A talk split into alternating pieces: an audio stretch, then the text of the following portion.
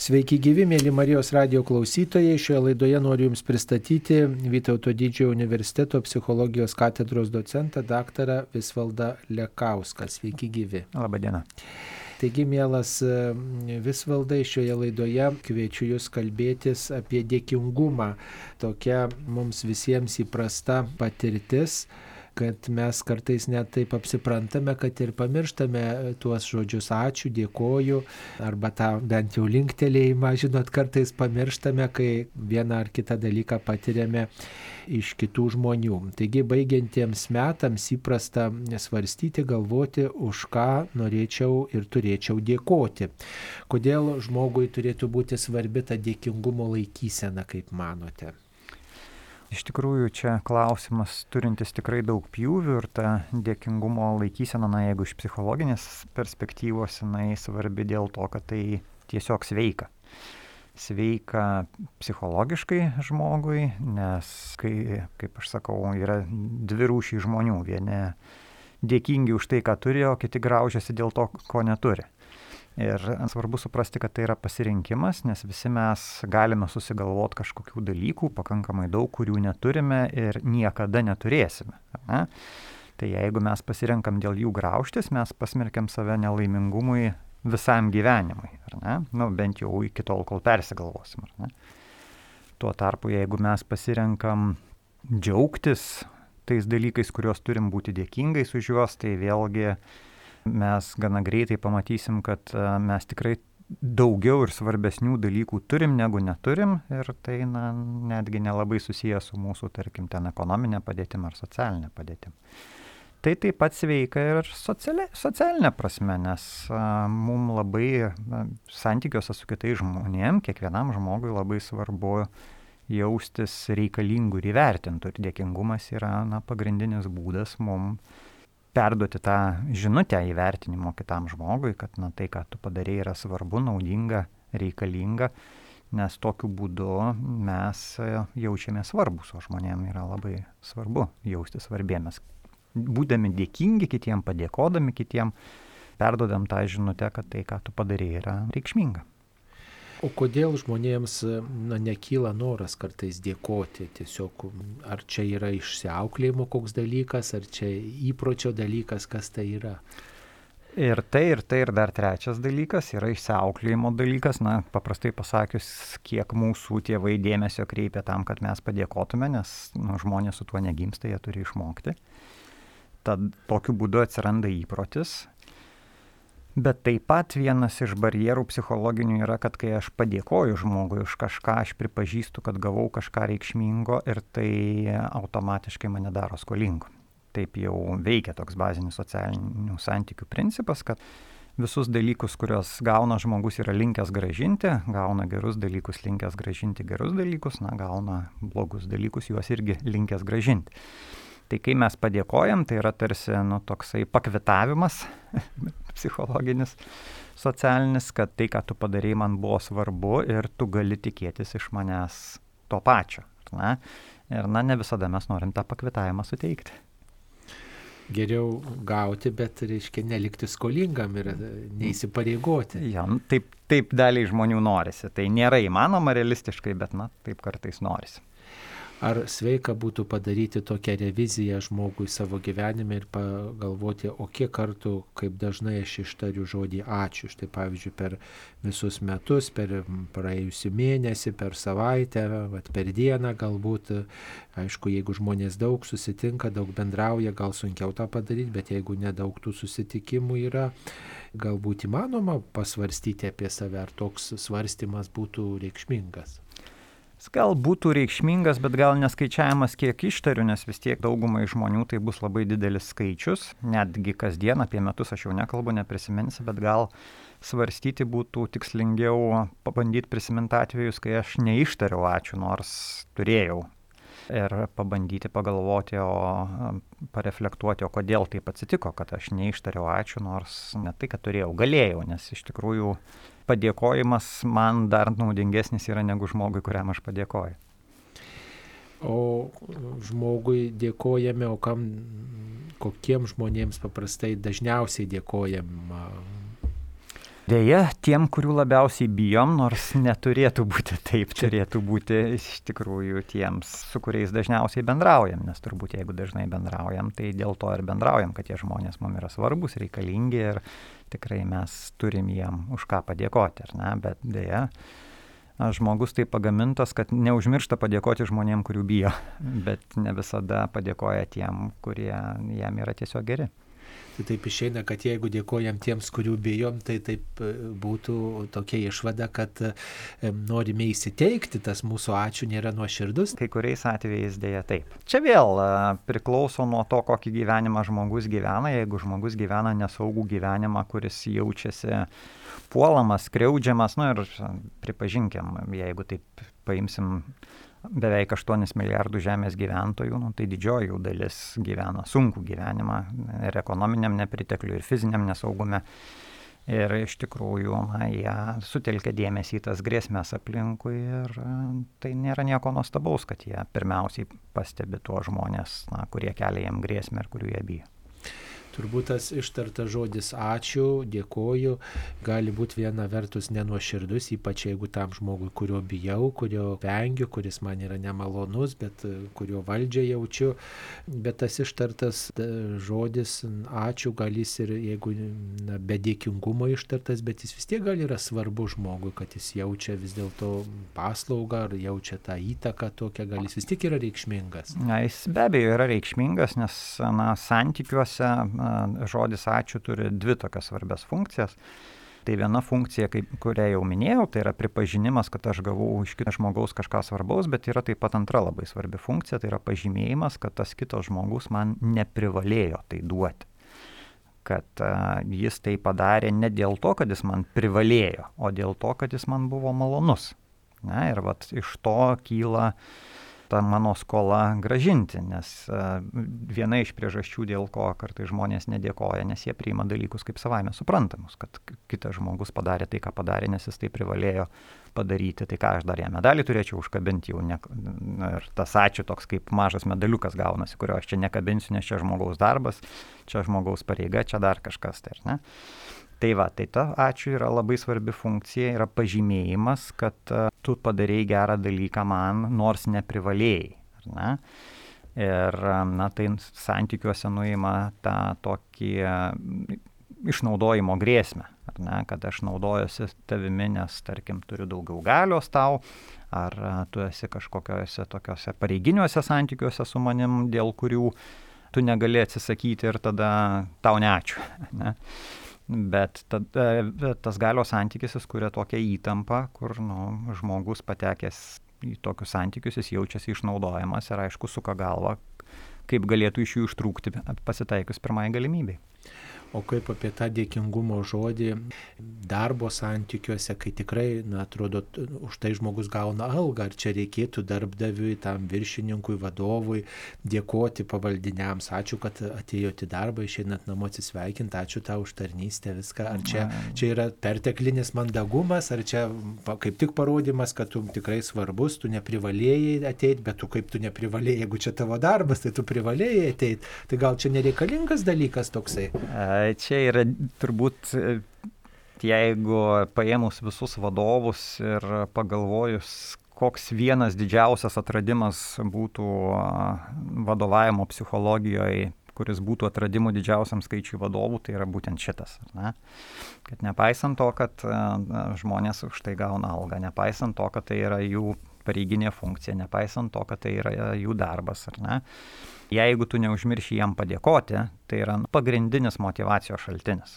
Iš tikrųjų, tas jautimasis, kad tu darai svarbų darbą, reikalingą darbą, yra žmogui pagrindinis darbo motivacijos šaltinis. Ne? Nes kai žmonės gauna mažai pinigų ar ne, ir negali patenkinti savo bazinių poreikių, jie net patys galvoja, kad nu, svarbiausias dalykas yra pinigai, bet iš vadovavimo psichologijos ir organizacinės psichologijos mes žinom, kad tu gali žmogui pakelti atlyginimą 20 procentų ir jam džiaugsmo užteks trim mėnesiam, kol jisai ras kur tuos 20 procentų padėti, ar ne? Arba apsiprasų tuo. Nu, tai tas apsiprasti ir yra, jis randa, kur tai padėti, jam nustoja būti prabangos, toksai prabangos šaltinis ir jis tai pradeda priimti kaip savaime suprantama. Ne, bet pagrindinis dalykas darbo motivacijų, kurio niekas negali pakeisti, tai yra jautimasis, kad tavo darbas leidžia tau sitarnauti kitų žmonių pagarbą, kad jis yra reikšmingas. Ir va tas dėkingumas iš vadovo yra pagrindinis santykių elementas, kuris leidžia žmogui tai pajusti nes na yra daugybė darbų kurių rezultatą tu galbūt pamatysi po kelių metų tik tai, ar ne, bet jaustis reikalingu ir svarbiu tai reikia kiekvieną dieną, kad ta motivacija būtų. Tai va tas ačiū iš vadovo, pastebėjimas žmogaus darbo, pastebėjimas jo indėlio, padėkojimas už jį yra labai svarbus motivacijos šaltinis. Ir vadovai, kurie galvoja, kad žinai, aš tau už tai atlyginimą moku, tai aš čia tau nedėkos ir medalių nekabinsiu, nu jie tiesiog tai pražiopso ir dėja pakankamai daug žmonių tai pražiopso, kiek man teko susidurti. O už ką galėtume dėkoti paprastai, ar už kiekvieną dalyką, na, vat, ar darbdaviai, ir tie darbuotojai, už kiekvieną mažiausią pa, pa, štai atliktą darbą. Štai dabar operatoriai rašo mūsų laidą, čia transliuoja, mes išeisim, ką turim pasakyti, ačiū, kad atlikote savo darbą. Be abejo bet gal tai atrodys toksai, nu, gal kaip, ta, kaip per daug, tai kaip ir nesveika, kaip sakoma, tada bus toks žodžių lavina tokia, kuri gal niekur nereikš, apsipras visi su to. Apsipras visi, bet čia kiekvienas, kam teko po tarybinės šitos žiemos pabuvoti vakarų šalyse, nu, viena iš didžiųjų dalykų, ką pamato, kad vakariečiai, vakarų europiečiai, amerikiečiai, jie nesitaupo su žodžiu ačiū. Mes čia grįžtam į Lietuvą, tai mes esam tokiam rūščiam nuoširdume, ne, kad nu, jau kai tu man išgelbėsi gyvybę, tai padėkosiu. Santūriai kukliai. Jo, bet, bet šiaip tai, žinai, ne ačiū. O ten nuvažiuojam ir nustembam dviem dalykais, kaip jie nesitaupo su ačiū ir kaip tai maloniai verčia mus jaustis. Ne, kiek mes ten geriau jaučiamės.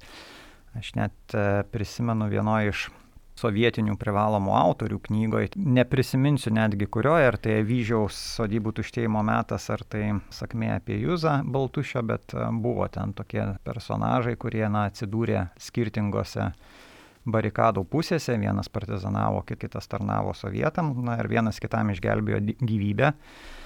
Nors jie buvo broliai, ne, bet uh, tas, kuriam išgelbėjo gyvybę, jis nesijautė įpareigotas dėkoti. Jisai sako, už ką aš jam turėčiau dėkoti, kad iš žmogaus pareigą atliko.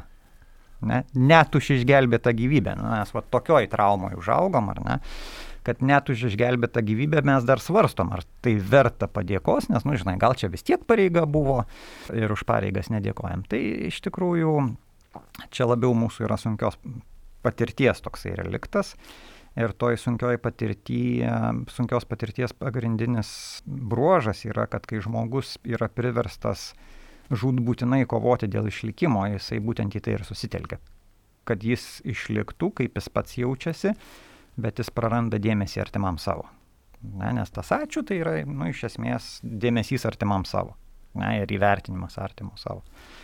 Ir kai mes prarandam dėmesį artimam savo, nu, ta visuomenė kaip tokia, jinai labai stipriai pažeista tampa. Jinai aišku neišnyksta, bet jinai tampa labai stipriai pažeista, nes mes tada nepasitikim vieni kitais, mes žiūrim į artimą savo kaip į priešą savo, mes galvojam, kad jis vis tiek turėdamas galimybę mūsų vienai par kitaip nuskriaus.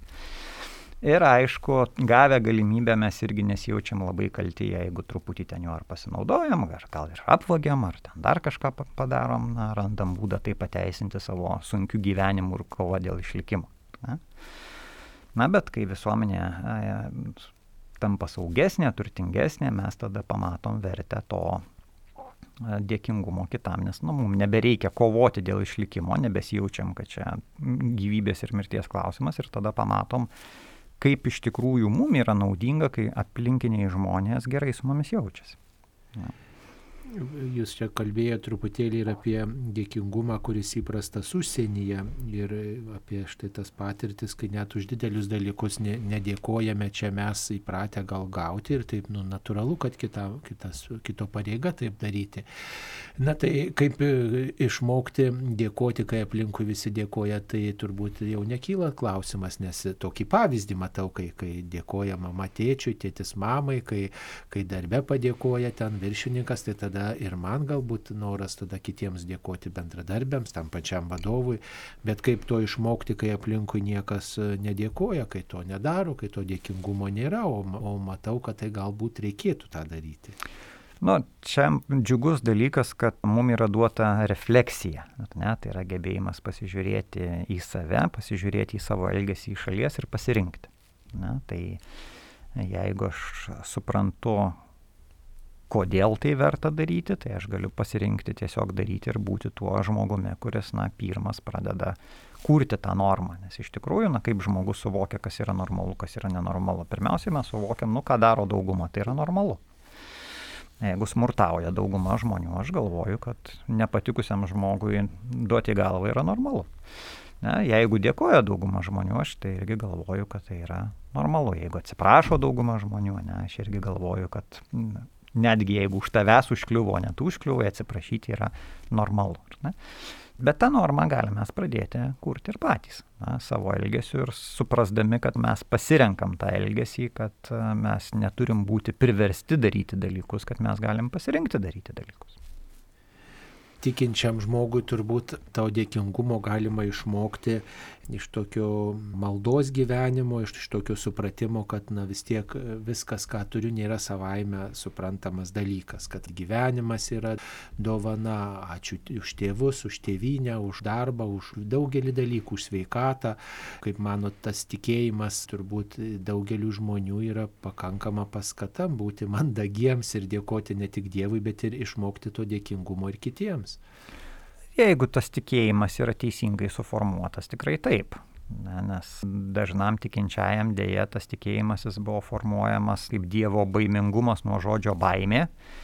Ir tada, kai į šitą tikinčiųjų bendruomenės dalį žiūrime, mes dažnai matom, kad tai irgi yra tokie popikčiai žmonės, kurie ir patys teisingai elgesi ne dėl to, kad supranta, kam tai reikia daryti, o dėl to, kad bijo Dievo ir pragaro ir į kitus žiūri labai smerkiančiai na, nes jiem na, visus dalykus daryti tampa sunku, jeigu tu tai darai iš baimės, o ne dėl to, kad supranti, dėl ko tau yra gerai taip elgtis, kas tau iš to yra gero, ne tik dėl to, kad tu kažkada į pragarą nepateksi, bet kas tau dabar iš to gero yra. Ne? Visus dalykus tampa sunku daryti ir kai žmonės vargsta gerai, maloniai elgdamiesi, tai pamatė, kad kažkas kitas gal kažkokią bendravimo taisyklę pažeidė, jie tada būna labai pikti ir agresyvūs ir linkę užsipulti su tokiu teisuolišku pasipiktinimu, kaip čia kažkas drįso vienai par kitai pasielgti, vietoj to, kad tai pažiūrėtų su atlaidumu ir su pagalba. Bet gal tai yra gynyba, tas toksai piktumas, maždaug kaip čia drįso ir kodėl taip galima malonu būti turbūt visiems yra malonu ir visiems yra malonu sutikti malonių žmonių, bet kai sutinku tokių netinkamai beselgiančių žmonių ir tokių, kurie na, yra nemandagus ir mane sužeidžia, tai čia gal yra gynyba, kai supykstu, kai esu griežtas, kai grasinu, kai kažkaip piktinuosi ar ne grasinu tai iš viso bloga praktika visais pjūviais ir ten turbūt nėra, nėra gero pateisinimo, kai piktinuosi, kai esu griežtas galbūt, bet vėl aš labiau kalbėjau apie tuos atvejus, na, žinau, savaime suprantama, kai tave užpuola ar nuskriaučia. Bet sunkiau suprast, kai žmonės puola ant kitų žmonių, kurie jiem iš vis nieko nepadarė ir nieko negrėsė. Jie tiesiog pasielgė kitaip, negu aš galvojau, kad turėjo būti pasielgta. Ir vėlgi vietoj to, kad aš į tai reaguočiau su atlaidumu ir su pagalba, nu su pagalba, ta prasme, kad na, žmogus a, pasielgia netinkamai, nebūtinai, kad jis turėjo blogą ketinimą, jis galbūt nemoka, nežino, ne, dar kažko, tai aš jam galiu padėti. Bet vietoj to aš jį užsipuolu su piktumu ir tai jau tada irgi kyla klausimas, nu, kodėl aš reaguoju taip ir dar galvoju, kad toks reagavimas kažkokiu būdu yra krikščioniškas. Mėly Marijos radio klausytojai, kalbamės apie dėkingumą, baigdami metus turime tokią galimybę, tokią progą pasvarstyti, už ką mes esame dėkingi Dievui, už ką mes esame dėkingi kitiems žmonėms. Ir šioje laidoje dalyvauja psichologijos katedros docentas daktaras Visvaldas Lekauskas. Mielas Visvaldai, ar teko girdėti, kad e, dėkotų žmonės e, už sunkius dalykus, kaip, nežinau, pamoką, kaip, e, kaip kažkokią progą įgyti kažkokios geros patirties, kažką gerą išmokti, ar įprasta tokia praktika? Tai nėra įprasta, tai iš tikrųjų reikalauja jau tokio didesnio samoningumo ir to supratimo, kad visos gyvenimo patirtys kažką atneša ir blogiausiu atveju jos atneša pamoką, ar ne? Iš jų galima pasimokyti. Ir iš tikrųjų čia tas jau reikalauja pakankamai tokios didelės refleksijos ir sudėtingo mąstymo tam, kad suprastum, jog tos pamokos jos yra naudingos, ne kiek jos bebūtų skausmingos, kiek jos bekainuotų, bet tu gali iš tų patirčių irgi pasiimti svarbių dalykų, jeigu nori. Ne, bet va tam reikia norėti ir gebėti pamatyti tą pamoką, ne, pamatyti ne tik skausmą, ne tik netekti, bet ir pamoką. Ne, ir, na, kaip sakau, čia jau, tarkim, ir psichoterapijoje irgi tai yra vienas iš tokių aukštų tikslų, tikrai ne, ne, ne tarp pirmų tikslų, kurių tikimasi pasiekti. Ir turbūt čia reikia dviejų dalykų. Viena vertus prisiminti, kad tos skaudžios patirtys praeitį jos atnešė gerų vaisių, vienas dalykas. Antras dalykas, turbūt net ir neturint tokios patirties, žiūrėti už tos mm, nelaimės arba prognozuoti, ką tai galėtų duoti, norėti prognozuoti arba tiesiog žiūrėti toliau, taip sakant, ne, ne šitoj patirtį, bet truputį toliau žvelgti. Na, čia toks sudėtingas dalykas, nes iš tikrųjų yra patirčių, kurios, na, yra tiesiog atsitiktinai atsitikę baisūs dalykai arba baisūs dalykai, kurių žmonės niekaip nenusipelnė.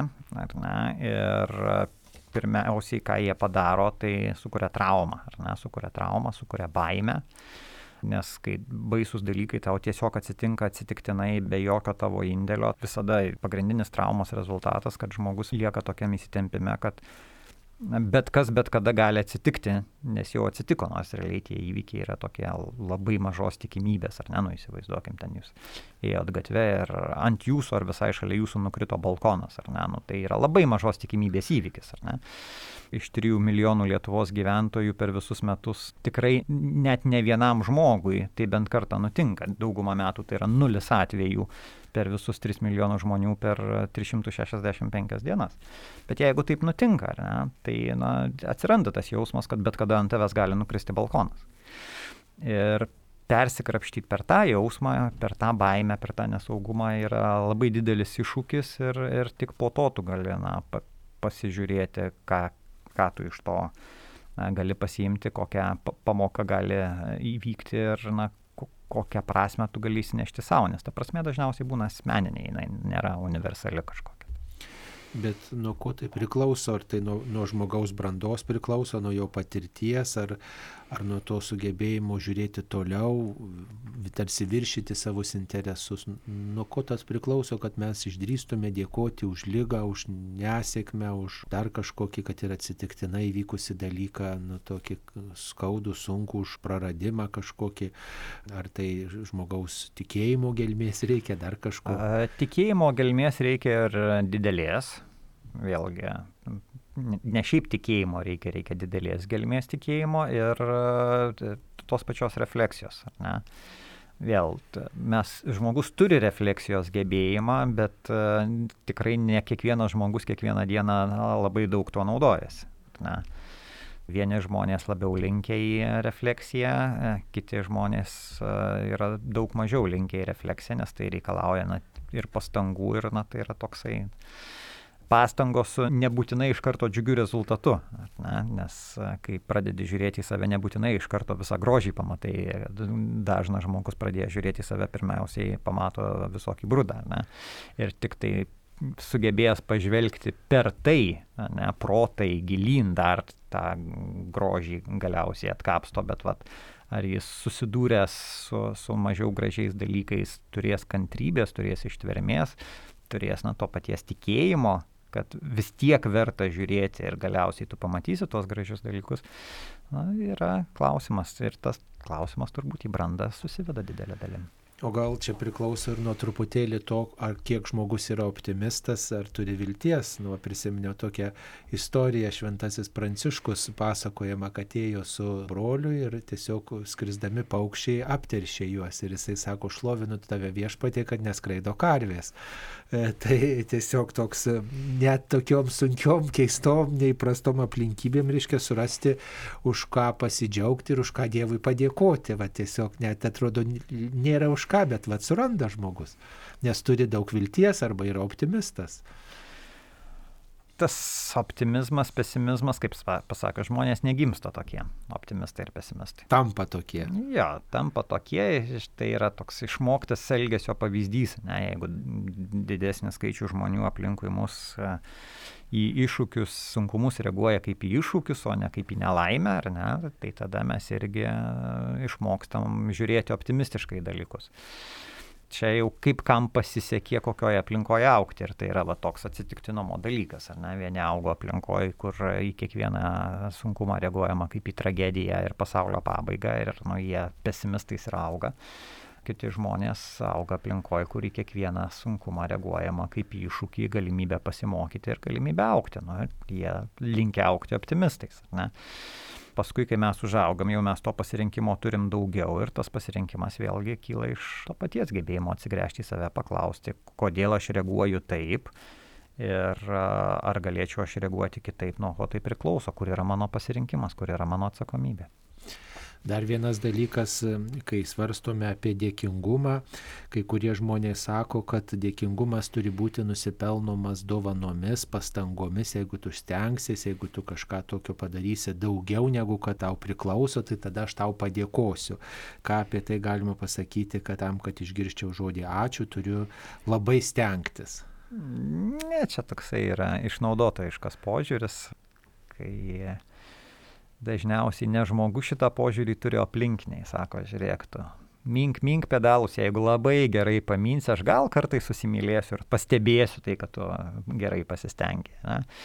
Tai yra tas išnaudotojiškumas šito požiūrio, jis į ką susiveda, kad uh, normaliuose santykiuose tarp žmonių tu gavai gerus dalykus, tu išrašai tą pakvitavimą ačiū pavydalu ir tu esi skolingas, tu turi gražinti nenormaliuose santykiuose tarp žmonių ir nenormalumas apibūdina, kad aš na, nemyliu artimą savo, matau jį kaip tokį paprastą išteklių, kurį tiesiog aš noriu išnaudoti, išmelžti kiek galiu ir paskui jau kai nebegalės nieko duoti pakeisti kitų. Aš sakau, žinai, skaičiuoju pareigas, skaičiuoju indėlio dydį ir tada sakau, kai tas indėlis viršys mano lūkesčius, tai va tada aš tau gal padėkosiu. Ir tokiu būdu tikiuosi paimti iš žmogaus kaip įmanoma daugiau, jam duodamas kaip įmanoma mažiau. Ne, nes visą laiką, kai yra neačiū, tai tuo pačiu metu yra pasakymas, aš tai, už tai tau nieko neskolingas. Ne? Tai va, ir e, tokiu būdu aš kuriu tą išnaudotojišką santykį, kuris, aišku, galiausiai atsigrėžia prieš mane patį, bet e, tam laikotarpį, trumpam laikotarpį, kol tai veikia su vienu ar kitu žmogum, nu, aš jaučiuosi, kad čia labai uždirbu ir labai įgyju pranašumą. Ir dėl susitelkdamas į tą na, pranašumą man sunku pastebėti, kokią duobę aš savo kasu galiausiai. E, jūs minėjot e, taip pat, kad e, tas dėkingumas gali būti pasirenkama žmogaus tokia nuostata, net jeigu ir matau aplinkui, kad yra netinkamas ar ten darbdavio elgesys su manim, ar kitų žmonių toks nemandagus elgesys, vis tiek aš galiu pasirinkti dėkoti. O, o kas dar galėtų skatinti šitą savybę, na, toks šviesus požiūris, prisiminimas, kad ne viskas, ką turiu savaime, čia gauta ar, ar, ar dar kažkas.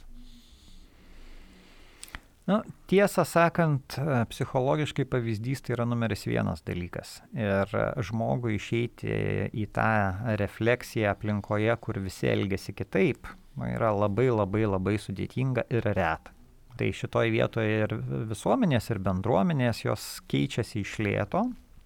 To kitimo mechanizmas yra toks, kad, na, kai aplinka tampa saugesnė, ramesnė, sotesnė, kai žmonėms mažiau reikia kovoti tarpusavį dėl išlikimų, jie pradeda tada labiau vertinti tuos mažiau pačiupinėjamus dalykus, tokius kaip ramybė, tokius kaip santarvė, tokius kaip malonumas būti šalia.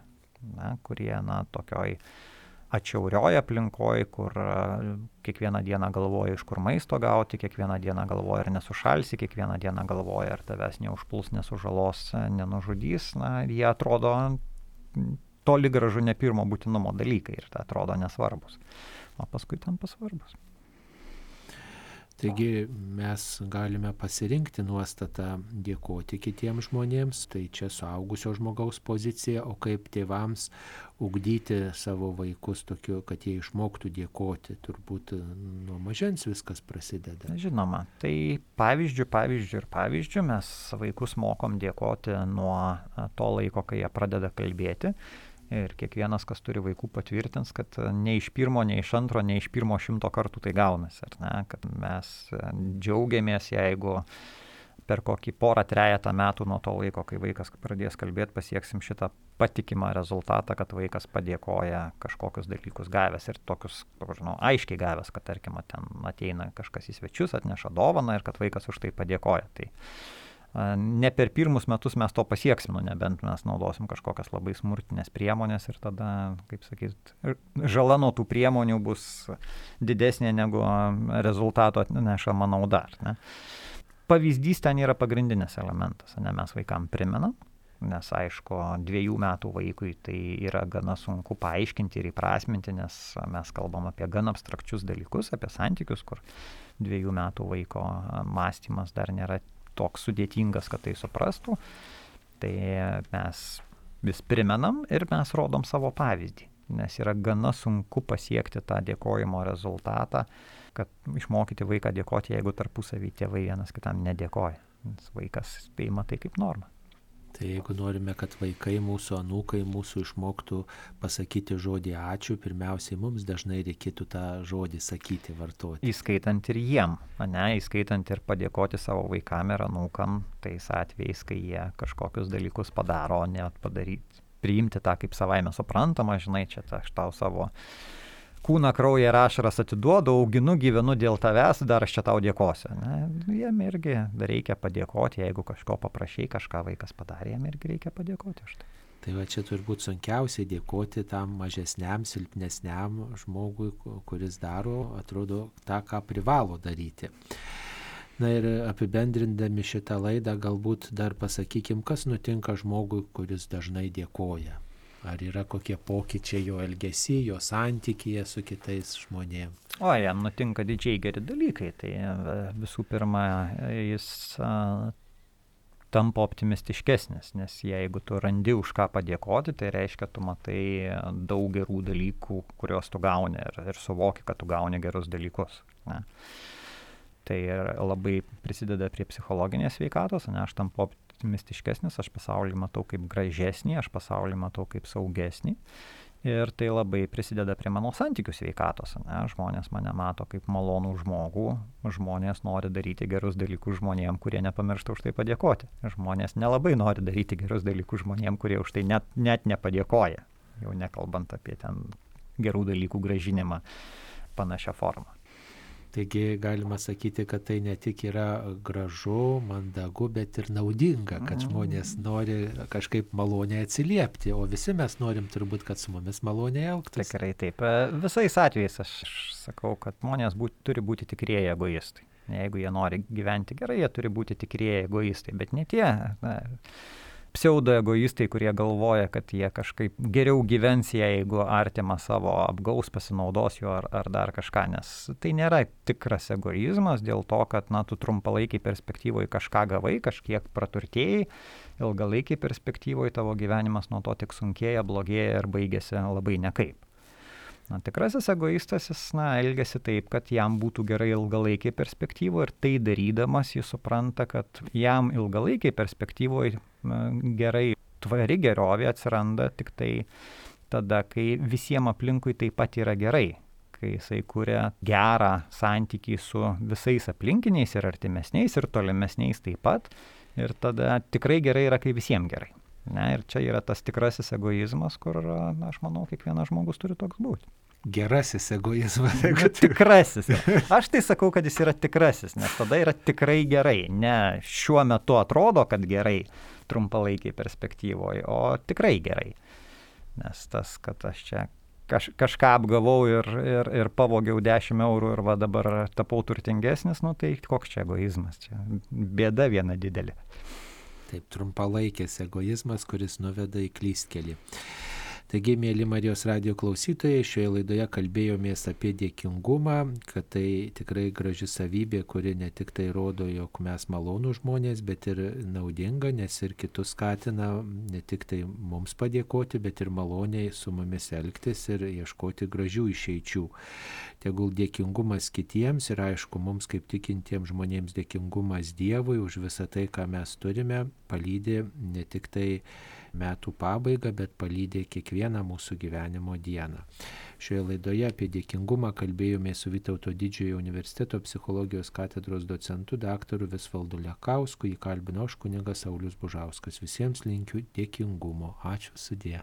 Ačiū.